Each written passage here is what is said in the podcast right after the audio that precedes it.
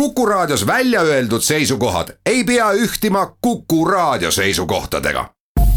Te kuulate Kuku Raadiot.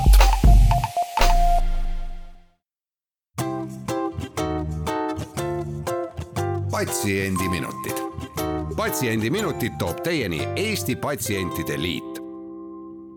tere, hea Kuku kuulaja mina olen Kadri Tammepuu ja täna me teeme juttu sellest, kuidas insuldi saanud inimesi paremini ravida meil on külas Tartu Ülikooli Kliinikumi insuldipatsiendi ravi paranduse projekti üks eestvedajatest, Liina Pääbo. tere tulemast saatesse, Liina! tere! kui me insuldist räägime, siis on ju teada, et Eestis saab insuldi aastas keskmiselt kolm tuhat inimest. insuldiarstid on öelnud, et viieteist aasta pärast tuleb neid haigeid kolmandiku võrra juurde. mis haigus see insult siis on ja kuidas seda ära tunda? Äh, ma ütlen kohe alguses ära, et, et ma ei ole hariduselt äh, arst, aga äh, insult lühidalt kommenteerin, et insult on selline haigus, mis mõjutab aju ja see, et seal ajus näiteks üks äh, veresoon on äh, kinni jäänud, see võibki mõjutada väga erinevaid asju inimesel, võib olla häiritud kõne, arusaamine, tähelepanu, liikumine, üldiselt inimene saabki aru, et ta ei saa enam hästi kõneleda, üks suunurk vajub alla, ta ei saa ühe keha poole kätt Äh, üles tõsta, et, et sellised on üldiselt need sümptomid. ehk et kehapooled käituvad erinevalt, et see ongi üks äh, selline hea märk, kuidas äh, võiks kahtlustada insulti jah, ja, ja, ja pigem reageerida kiiresti, sest aeg on aju nagu öeldakse, et mida, mida kiiremini inimene helistab üks, üks, kaks, seda, seda parem, seda kiiremini arstid saavad ravimisega pihta hakata. mõnikord äh, võib ka juhtuda nii, et inimene ise ei tunnegi oma seisundit ära, et äh, lähedased võiksid siis samamoodi selliseid märke märgata ja, ja mitte jääda ootama, et millal perearst äh, näiteks järgmisel või ülejärgmisel päeval vastu võtab jaa, absoluutselt, et tegelikult isegi minnakse selle ennetusega nii kaugele kui koolidesse. kliinikumi neuroloogid ja insuldiõed on samamoodi käinud koolides rääkimas lastele insuldi äratundmisest et nemad siis kas oma vanavanematel või, või ka, või ka vanematel tunneksid need äh, insuldi sümptomid ära ja oskaksid helistada, et tegelikult tuleb selle ennetusega minna, minna isegi, isegi nii kaugele? Insult ikkagi on üks salakaval haigus ja mul on siin endine kolleeg, keda kahjuks enam meie hulgas ei ole, kes oli minuealine, kukkus töökohal kokku, sai insuldi, jõudis haiglasse küll kümne minutiga aga teda päästa enam ei õnnestunud. samas ma mäletan oma vanaema või ka äia, kes said elu lõpus mitmeid niisuguseid väiksemaid mikroinsulte, aga taastusid.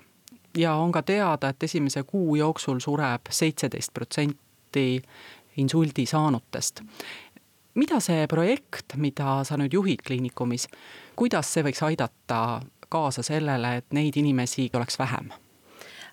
et muidugi ma ütleks, et see alguse etapp tegelikult toimib juba päris hästi. esimesest septembrist aastast kaks tuhat üheksateist Äh, kõik äh, ägeda insuldi saanud inimesed viiakse Eestis insuldikeskustesse, et enam väiksemates haiglates ei ravita, näiteks äh, Lõuna-Eesti kõik insuldihaiged tulevad kliinikumi, see juba tähendab, et, et nad saavad kõige parema kvaliteediga ravi. Aga jah, et projekti raames me, me natukene rohkem paneme rõhku sellele, et mis saab inimesest pärast seda, kui ta sealt neuroloogia osakonnast äh, kas teise haiglasse või teise osakonda edasi liigub või koju läheb, et kuidas teda seal paremini toetada. kaheteistkümnendal veebruaril otsustas ju Haigekassa jagada siis ka nelja haigla vahel laiali miljon eurot ja natuke peale ja Tartu Ülikooli Kliinikum lisaks siis Põhja-Eesti Regionaalhaiglale, Ida-Viru Keskhaiglale ja Lääne-Tallinna Keskhaiglale oli üks haigla siis äh, just nimelt kliinikum ka, kus peaks see projekt siis kaasa aitama sellele, et järelravi ja, ja taastusravi paremini organiseerida. kuidas äh, te seda siis äh, teha plaanite, mida te selle rahaga teete? see peamine erinevus senisest lähenemisest on see, et paneme ennast selle patsiendi sussidesse nii-öelda ja vaatame seda raviteekonda tema silme läbi. et millist abi tema mis hetkel vajab, millised on need lüngad ja kuidas me saame teda, teda toetada. aga kui minna väga praktiliseks, siis äh, teatud hulgale patsientidele me pakume võimalust, et äh, neil on äh, koordinaator ehk siis äh, neil on määratud inimene, kes ähm, pikema aja vältel tegelikult natukene nagu hoiab kätt. Küsib, et, et, et kuidas läheb, et, et kas, kas sul on, on kõik hästi, millist äh, infot sa veel vajad, millist abi sa veel vajad ja samamoodi tegelikult äh, see koordinaator saab senisest enam toetada ka, ka lähedasi.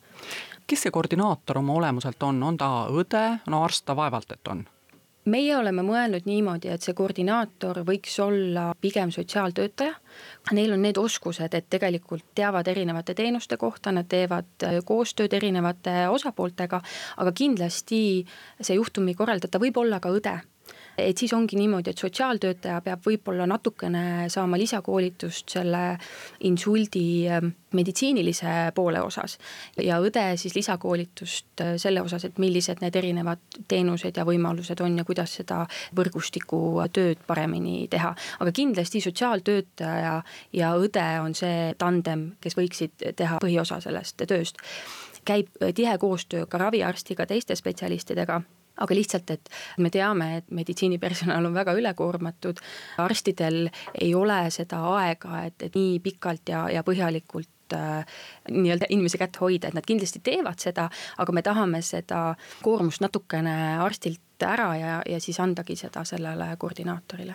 Ilmselt kõik insuldihaiged ei vaja tegelikult koordinaatorit, mille järgi te plaanite seda otsustada, et, et kes vajab koordinaatorit ja kes ei vaja, kes saab ise hakkama? Äh, me oleme praegu selle kirjeldanud niimoodi, et koordinaator võiks olla määratud inimesele, kes vajab mingeid lisateenuseid. kelle puhul siis ravimeeskond näeb, et asi ei ole nii lihtne, et, et ta ei lähe kohe omal jalal koju ja võib-olla ei mäletagi, et, et mida, midagi toimus, vaid ta peab minema kuskile järgmisesse etappi, et ta vajab põhjalikumat äh, kosumist ja, ja lisateenuseid väga tihti on juhtumikorraldajad või koordinaatorid äh, olnud äh, inimese lähedased, et kas nendelt äh, liigub koormus siis kellelegi teisele ära? me arvame, et see võiks olla jagatud koormus, et lähedased saaksid ka senisest rohkem abi ja neil oleks rohkem kohti, kus, kust küsida, et tegelikult siin lähikuudel hakkavad toimuma regulaarsed vestlusringid insuldipatsientidele lähedastele ja samamoodi kogemusnõustamise grupid et, et julgelt võib vaadata kliinikumi kodulehelt, kus on vestlusringide info, et, et millal need toimuvad, et sinna võib tulla mis iganes etapil, et. millest te plaanite seal vestlusringides rääkida, kas äh, vastavalt sellele, kuidas inimesed kokku tulevad ja mis küsimused neil on ja, ja kes siis äh, need vastajad on. kas need on siis inimesed, kes teavad insuldist rohkem või need, kes on insuldi ise läbi elanud? Vestlusringide teemade osas me tegelikult äh, teeme tihedat koostööd patsientide ja lähedaste esindajatega. et just, et, äh, et tegelikult selle projekti puhul ka me, me tahame, et patsientide ja lähedaste esindajad saaksid olla aktiivsed osalised ja olla kaasas nende igasuguste tegevuste väljatöötamisel mis puudutab jah, neid vestlusringide teemasid, siis äh, me panemegi vastavalt sellele, mida inimesed küsivad kõige rohkem või mille osas nad tunnevad, et, äh, et infot on puudu. praegu meil on näiteks kokkulepe äh, Töötukassa ja Sotsiaalkindlustusametiga, et nemad tulevad koos teatud teemasid rääkima. kuna inimese jaoks on väga segane, et mis süsteemist abivahendid, rehabilitatsioonid, kuidas see töövõime hindamine, puude määramine, kuidas kõik need asjad käivad ja kuna need kaks äh, riigiasutust äh, nende teemadega toimetavad, et siis me kutsumegi nad koos vastama nendele küsimustele. üks näide nendest teemadest, aga kindlasti, mis puudutab äh, vaimse tervise probleeme, ka sellel, see, kes läheb, läheb koju ja, ja kellel justkui on see taastumine väga hea, et võib-olla tulevad ühel hetkel need vaimse tervise probleemid, kõneteemad, liikumise teemad, et, et mis, mis parajasti äh, aktuaalne on inimeste jaoks. No väga hea, aga läheme siit korra väikesele pausile, peatselt oleme tagasi ja räägime insuldi tulevikuravist edasi.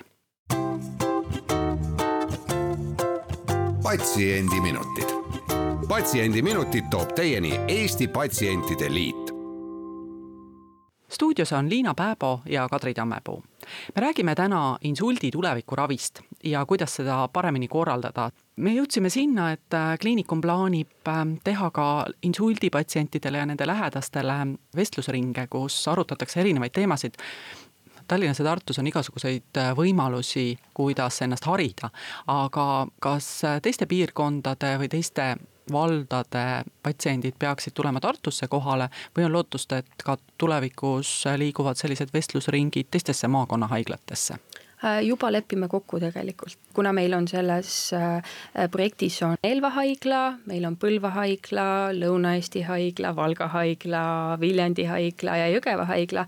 et siis äh, vähemalt osa vestlusringidest toimub ka nendes haiglates ja, ja lisaks kliinikumi insuldiõed koolitavad välja nendes partnerhaiglates ka insuldiõed, kes siis saavad hakata tegema vastuvõtte tegelikult üks fookusi kliinikumi projektis on see, et, et ükskõik kus inimene elab, tal peaks olema siis võimalus saada sama head abi. Räägime natukene ka sellest, kui nüüd inimene aktiivravist koju lastakse nii-öelda või siis teise ravietappi viiakse, siis ähm, soovitatakse ju väga aktiivselt kohe hakata tegelema inimese funktsioonide taastamisega, ehk siis äh, oleks tore, kui inimesed satuksid äh, taastusravisse. aga mm, siit ja sealt on aeg-ajalt kuulda, et kas taastusravis ei ole kohti või ikkagi raviarst kõiki inimesi taastusravisse ei määra kas on mingid kriteeriumid ka paigas, kuidas ähm, taastusravisse pääseb üks insuldihaige? Äh, jah, tegelikult just äh, hiljuti avaldati insuldi taastusravi juhend äh, ja seal on, on samamoodi kirjas need nii-öelda patsiendi kriteeriumid, et, et mida ta peab suutma teha selleks, et minna statsionaarsele taastusravile, see tähendab seda, et ta on öösel ka haiglas millised need kriteeriumid näiteks on, kui sa tood mõne näite? näiteks on, on see, et ta peab suutma vähemalt kolm tundi päevas osaleda teraapiates. logopeed tegeleb või psühholoog, füsioterapeut, tegevusterapeut, et kui inimene ei, ei jaksa praktiliselt üldse, siis ta peab ähm, võib-olla minema teise osakonda, kus ta nii-öelda veel natukene kosub ja toimuvad väiksemas mahus tegevused. üks teema, millega me ka projekti raames tegeleme, on see, et, et vahet ei ole, kuhu haiglasse ta liigub siis näiteks järelravile, e, et seal oleks vähemalt ütleme, vähemalt iga päev toimuks pool tundi või tund aega või isegi natukene rohkem selliseid ähm, teraapiategevusi või, või nii-öelda taastusravi elementi oleks igas etapis, et mis siis aitab inimest ette valmistada selleks taastusraviks, kui ta vähegi on, on võimeline. aga kui ta nüüd satub äh, näiteks õendushaiglasse, seal tavaliselt äh, ei ole sellise ettevalmistusega spetsialiste või on ikkagi tulevikus plaan, et üks insuldihaige, kes ootab taastumist nii palju, et pääseda taastusravisse, oleks ikkagi maakonnahaiglas nii kaua tegelikult õendusabis on samamoodi, on võimalus äh, saada näiteks, kõige sagedamini saab füsioteraapia teenust. et kui, kui võtame kliinikumi statsionaarse õendusabi, siis seal on päris palju füsioterapeute, kes, kes tegelevad inimestega ja ka sealt lähevad inimesed taastusravisse. võib-olla mitte väga palju, aga, aga läheb.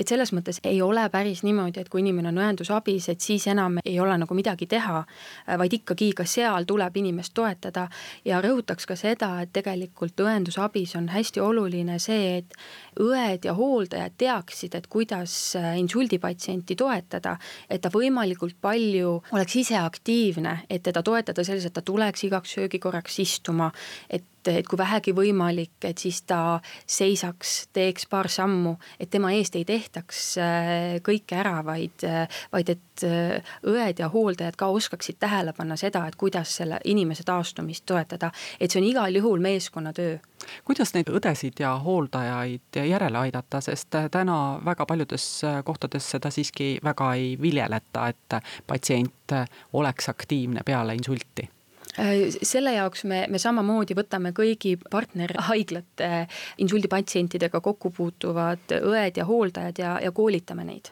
mis saab sellest patsiendist, kes peale insulti koju lastakse, kellel on olnud selline natuke kergem vorm ja käed-jalad ikkagi liiguvad, aga võib-olla mitte nii hästi?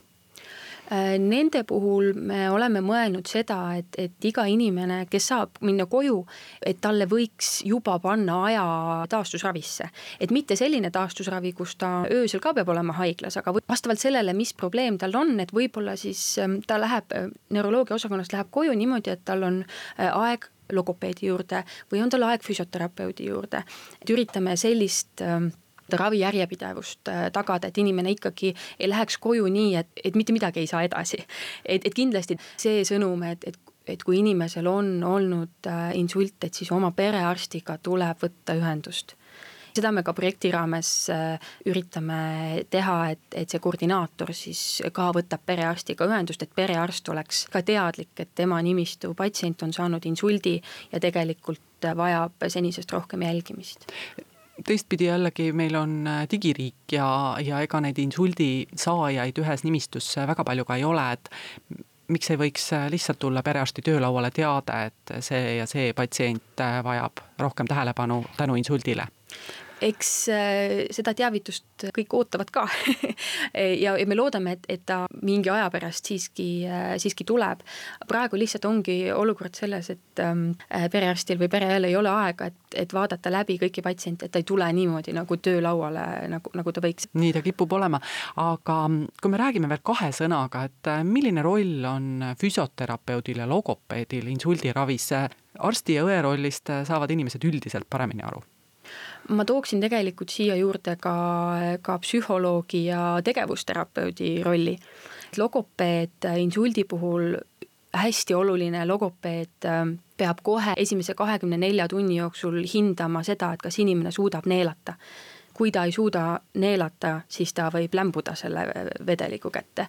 E, et see on hästi oluline ja samamoodi, kuna väga sagedased on ka kõnehäired, et siis nendega tegeleb äh, logopeed füsioterapeut tegeleb äh, liikumise poolega, tegevusterapeut äh, tegeleb äh, selliste igapäevategevustega, et näiteks, et kuidas inim-, et kas ta oskab ennast riidesse panna ja kas ta oskab tualetitoimingutega, saab hakkama, sageli ka käetegevusega tegeleb tegevusterapeut. ja, ja psühholoog hindab, et siin võib-olla on, on sageli see arusaam, et, et psühholoog tegeleb sellega, kui inimesel on depressioon, aga psühholoog tegeleb ka sellega, kui inimesel on mälu ja tähelepanu ja nendes valdkondades on tal probleemid.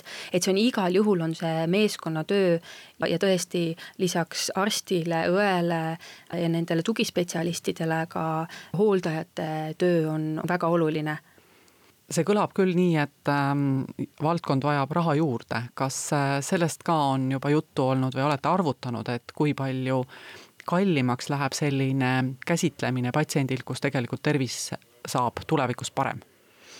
ei ole praegu arvutanud, et need äh, läbirääkimised Haigekassaga, et kuidas rahastuse osas, et millised muudatused tulevad, et need on kõik alles sees, et neid ei, praegu ei oska niimoodi kommenteerida. no selge, loodame siis, et äh, siiski te jõuate projektiga niimoodi lõpule, et saab ka need rahanumbrid paika ja saab siis hinnata, kas meie insuldipatsiendid vajavad äh, paremat ravi just nimelt, mis puudutab taastumist. aga sellega kahjuks me peame täna saate otsad kokku tõmbama. suur aitäh, Liina Pääbo, Tartu Ülikooli Kliinikumi insuldipatsiendi raviparanduse projekti eestvedaja. sa täna saatesse tulid ja täname ka kõiki kuulajaid. Kuulmiseni taas nädala pärast ja seniks olgem terved. patsiendiminutid patsiendiminutid toob teieni Eesti Patsientide Liit